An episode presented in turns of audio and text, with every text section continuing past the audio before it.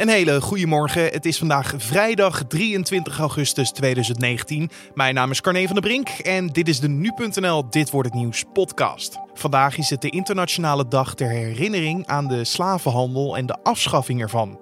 Centraal hiervoor staat een opstand in de Democratische Republiek in 1791, wat een cruciale rol zou spelen bij de afschaffing van de transatlantische slavenhandel.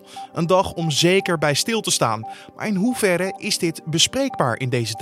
Die openheid die is er nu. En ik denk dat dat gewoon ook wel hoort bij eh, een volwassen en open en ook multiculturele samenleving zoals we vandaag de dag zijn. Over deze dag ons slavernijverleden en hoe bespreekbaar het nu is, daar praten we straks verder over met nu.nl-redacteur Matthijs Lelou en Gert Oost-Indië, directeur van het Koninklijk Instituut van Taal, Land en Volkenkunde en hoogleraar van de Universiteit Leiden. Maar eerst kijken we naar het belangrijkste nieuws van nu. Het aantal daklozen in Nederland is in de laatste jaren fors toegenomen. Dat blijkt uit cijfers van het Centraal Bureau voor de Statistiek. In 2009 hadden bijna 18.000 mensen tussen de 18 en 65 jaar oud geen vaste woon- of verblijfplaats. In 2018 waren dat er ruim 39.000. Het aantal jonge daklozen tussen de 18 en 30 jaar oud is zelfs verdrievoudigd tot bijna 13.000. Volgens het CBS zijn er verschillende redenen waarom mensen dakloos worden. In veel gevallen gaat het toch wel om mensen die langdurig problemen hebben of in een kwetsbare sociaal-economische positie zitten. Deze mensen komen meestal van het ene probleem in het andere terecht en vaak zijn ze laag opgeleid, verdienen ze weinig geld of hebben hun baan verloren. Ook andere problemen zoals scheidingen bijvoorbeeld kunnen vaak leiden tot een leven als dakloze. Al dus een woordvoerder van het CBS. Een verwarde man heeft donderdagavond in Hoensbroek, Limburg, in het bijzijn van de hulpdiensten geprobeerd zijn woning op te blazen. De bewoner had vermoedelijk de gaskraan opengezet. Toen de politie het huis binnenviel, ontstond er een explosie en raakte de bewoner en een agent gewond. Ze zijn met onbekend letsel naar het ziekenhuis gebracht. De man dreigde al een tijdje om de kraan open te draaien en door te onderhandelen met de man had de politie tijd om de omgeving te ontruimen. Er wordt nu door de politie onderzocht waarom de man zichzelf en zijn woning wou opblazen. Poolse reddingswerkers hebben donderdagavond een lichaam gevonden van een van de twee onderzoekers die sinds zaterdag vastzitten in de grootste en diepste grot van Polen. De eerste van de speleologen is gevonden in de grot. Hij is dood. Meer informatie zal morgen beschikbaar zijn. Dat liet de Poolse reddingsdienst donderdag weten in een korte verklaring. De twee onderzoekers raakten in het Tatra-gebergte ingesloten doordat een deel van de grot was volgelopen met regenwater. Sindsdien zijn de reddingswerkers bezig ze eruit te krijgen. Het was tot nu toe onduidelijk hoe de twee eraan toe waren. En dan nog even de uitslagen van de Nederlandse voetbalclubs in de play-offs van de Europa League. AZ heeft donderdagavond in de heenwedstrijd met 1-1 gelijk gespeeld tegen Royal Antwerp FC. De Noord-Hollanders waren de bovenliggende partij in Enschede, maar maakten pas in de slotfase de gelijkmaker. En PSV is heel dichtbij een ticket voor de groepsfase van de Europa League. De Eindhovenaren wonnen donderdag de heenwedstrijd tegen Apoel Limassol in de play-offs met 3-0. En afsluitend Feyenoord had donderdagavond ook goede benen, want de Rotterdammers wonnen in eigen huis op overtuigende wijze de heenwedstrijd tegen Hapoel Beersheva met 3-0. En volgende week donderdag spelen ze alle drie uit voor hun ticket naar de groepsfase van de Europa League. En dan kijken we naar het nieuws van vandaag, oftewel dit wordt het nieuws. Vandaag is het de internationale dag ter herinnering aan de slavenhandel en de afschaffing ervan. Deze dag is door UNESCO in het leven geroepen ter nagedachtenis van de transatlantische slavenhandel en ook om aandacht te vragen voor de tragedie van de slavenhandel. Centraal voor deze dag staan de gebeurtenissen in Santo Domingo in het jaartal 1791. Matthijs Lelou van onze redactie kan ons vertellen waarom deze dag zo belangrijk is. In de nacht van 14 augustus 1791 kwamen slaven van plantages in de buurt samen in het Bois Caiman, het Caimannenbos, in de bergen van Noord-Haiti. Dat was toen de Franse kolonie Saint-Domingue in het Caribisch gebied. Een tropische storm hield die nacht huis boven het eiland. De donder en de bliksem waren een goed voorteken, zeiden de slaven. Ze deelden ervaringen met elkaar over onderdrukking, over hun slavernij. Een vrouw uit de menigte begon te dansen. Ze was bevangen door de Loa, de voodoo-geesten. Ze sneed de keel van een zwart varken door en de aanwezigen die smeerden elk wat varkensbloed op hun voorhoofd. De man die de voodoo-ceremonie leidde, de voodoo-priester en slavenleider Dutty Boekman, stapte naar voren om te spreken. De goede Heer die de zon heeft geschapen, die ons licht geeft van boven, die de zee wekt en de donder doet brullen. Luister goed, jullie allemaal. Deze God, verstopt in de wolken, kijkt naar ons. Hij ziet alles wat de witte mensen doen. De God van de witte mensen eist dat zij misdaden begaan. Onze God vraagt om goede daden. Maar deze God die zo goed is, eist ook wraak. Hij zal onze handen leiden. Hij zal ons helpen. Gooi het beeld weg van de God van de Witte, die dorstig is naar onze tranen. En luister naar de stem van de vrijheid, die in al onze harten spreekt. Zijn woorden waren het startschot van de Haitiaanse revolutie. De enige slavenopstand in de geschiedenis die leidde tot de oprichting van een staat die werd geleid door oud-slaven en andere personen van kleur en waar slavernij verboden was. Ja, Matthijs, dat is nogal een introductie. Maar kan je ons ook vertellen hoeveel slaven hier eigenlijk bij betrokken waren? Dat waren er uh, heel veel. Het uh, zat namelijk zo. Het voornaamste gewas wat uh, op Haiti werd verbouwd was suikerriet. Dat was enorm winstgevend, want Europa had een onstilbare honger naar suiker. En om die suikerriet te verbouwen, dat is een heel arbeidsintensief proces. Dus er waren heel veel uh, landarbeiders voor nodig. En het plaatselijke klimaat en ziektes, zoals bijvoorbeeld uh, malaria en gele koorts, die zorgden ervoor dat die arbeiders ook niet lang meegingen. Frankrijk voerde dus een, een constante stroom van honderdduizenden Afrikaanse tot slaafgemaakten aan. En zeker 50% van hen overleed binnen een jaar nadat ze op dat eiland waren aangekomen. In 1789, dat is twee jaar voor het begin van de revolutie, woonden er op Haiti zo'n 40.000 witte mensen tegenover 28.000 vrije zwarte mensen en mensen van gemengde afkomst en een geschatte 500.000 zwarte tot slaafgemaakten. Dus nogal een aantal slaven inderdaad wat je beschrijft. Uh, het was dus een opstand, een conflict. Hoe is het uiteindelijk verder verlopen? Nou, het was alles behalve kalm. Uh, die, die, die slaven, ja, dat waren er inderdaad veel meer dan, dan de Ze waren uiteraard wel veel slechter bewapend en slechter georganiseerd. Maar binnen tien dagen na die ceremonie in dat Kaimannenbos hadden die opstandelingen de hele noordelijke provincie van het eiland in handen. En na een paar weken hadden zo'n 100.000 slaven zich bij de opstand aangesloten. En het geweld dat, dat nam eigenlijk steeds toe. Dat escaleerde steeds verder. Duizenden witte mensen die werden gedood. En zo'n 180 suikerplantages werden in brand gestoken. Maar de overlevende witte bevolking die organiseerde zich ook in milities en die sloegen keihard terug. En daarbij kwamen ook in eerste instantie al zo'n 15.000 zwarte mensen om. Die opstand die sleepte zich jaren voort. Frankrijk die stuurde troepen naar het eiland. Uh, in Frankrijk was intussen ook uh, de Franse revolutie gebeurd. En de revolutionaire regering die raakte in oorlog met andere Europese landen. Het Verenigd Koninkrijk en Spanje. Uiteindelijk konden die slaven op Haiti, die konden die landen allemaal tegen elkaar uitspelen. Ze werden geleid door een getalenteerde generaal, die zelf ook een, uh, een vrije slaaf, uh, een voormalige tot slaafgemaakte was, Toussaint Louverture. Dat was een hele. Hij was uh, heel goed op het, op het slagveld. En hij wist een aantal belangrijke militaire overwinningen voor de, voor de opstandelingen te behalen. Maar hij kreeg bijvoorbeeld ook te maken met facties in zijn eigen rebellenleger. die zich weer verzetten tegen zijn autoriteit. Dus het was een heel chaotische, zeer bloedige strijd. Uiteindelijk werd in 1804 de onafhankelijke staat Haiti uitgeroepen. En historici die schatten dat tijdens de Haitiaanse revolutie in totaal zo'n 350.000 inwoners van Haiti de dood vonden en 50.000 Europese troepen. Uh, veruit de meeste daarvan die bezweken aan gele koorts. Maar kunnen we dit dan officieel ook aankaarten als het begin van het einde van de slavenhandel en de slavernij? Of zit het wat genuanceerder in elkaar? Ja, daar is onder, onder historici is er heel veel discussie over. Het is natuurlijk moeilijk te duiden van ja, zo'n zo'n uh, gebeurtenis in Haiti, hoe, welke invloed heeft dat internationaal gehad? Uh, het is wel zo dat de transatlantische slavenhandel die ging nog decennia door nadat Haiti onafhankelijk was geworden. Maar die gebeurtenissen daar die inspireerden wel een aantal andere slavenopstanden, onder andere in de VS en in de Britse koloniën. En in de VS bracht het ook veel debat met zich mee over het instituut van de slavernij. En de spanningen over dat onderwerp die zouden uiteindelijk leiden tot de Amerikaanse burgeroorlog en tot de afschaffing van de slavernij in de VS. Voor de VS was dat op 18 december 1865 en een paar jaar daarvoor schafte Nederland de slavernij af. Om precies te zijn op 1 juli 1863. Maar dat was aanzienlijk later dan bijvoorbeeld Engeland of Frankrijk. Waarom waren wij zo laat met deze beslissing? Dat vragen we aan Gert Oost-Indië, directeur van het Koninklijk Instituut van Taal, Land en Volkenkunde en hoogleraar van de Universiteit Leiden. Het klinkt heel raar misschien, maar uh, de slavernij was voor Nederland in de tijd dat we het eindelijk afschaften helemaal niet meer zo belangrijk. Ook economisch niet, dus het had ook best wel eerder gekund.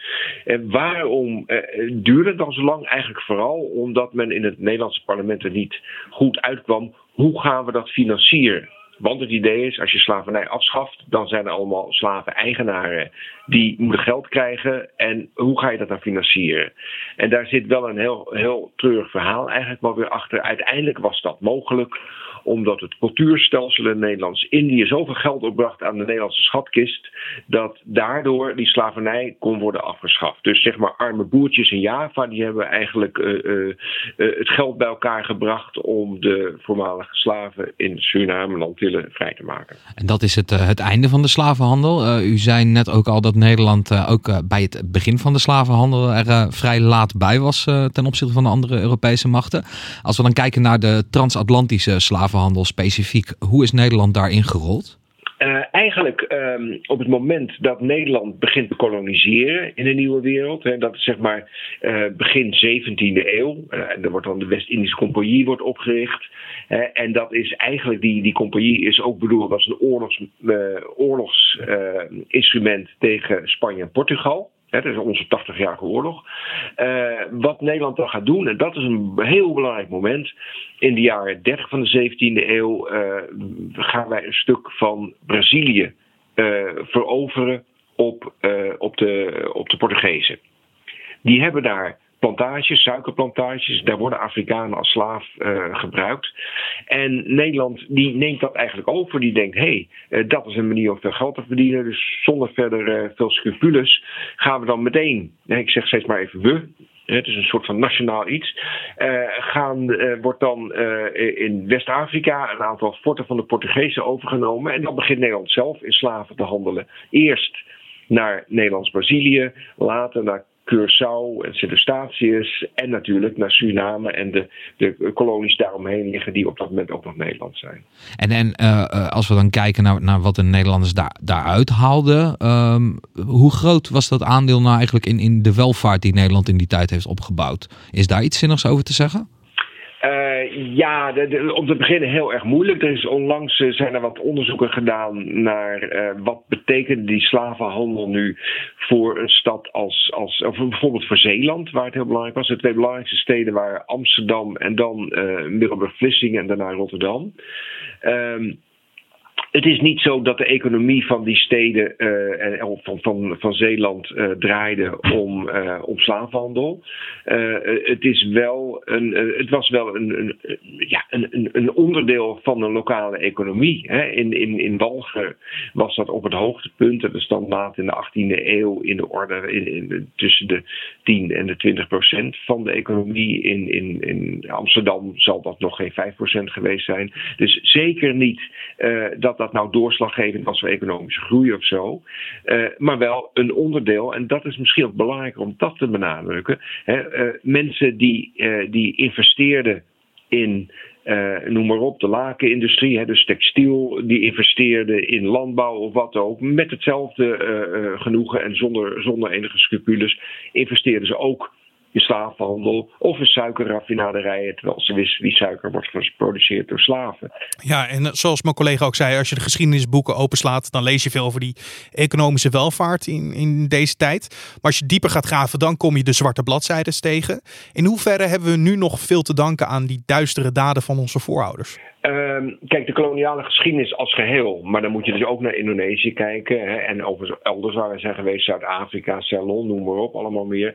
Die hele koloniale geschiedenis is, is natuurlijk een, een, een, een geschiedenis van machtsgebruik, van geweld, van racisme, daar kom je niet omheen. Hè? En, en daar maakt die geschiedenis van slavenhandel en slavernij weer een onderdeel van uit. Uh, op zich, om te beginnen, dragen wij dat met ons mee. Dat is ook onze nationale geschiedenis. Hè? Je, wij mogen allemaal terecht, denk ik, heel trots zijn op, uh, op Rembrandt. He, nou, je moet ook zeggen dat is die gouden eeuw waar we ook begonnen met het kolonialisme en de slavernij enzovoort.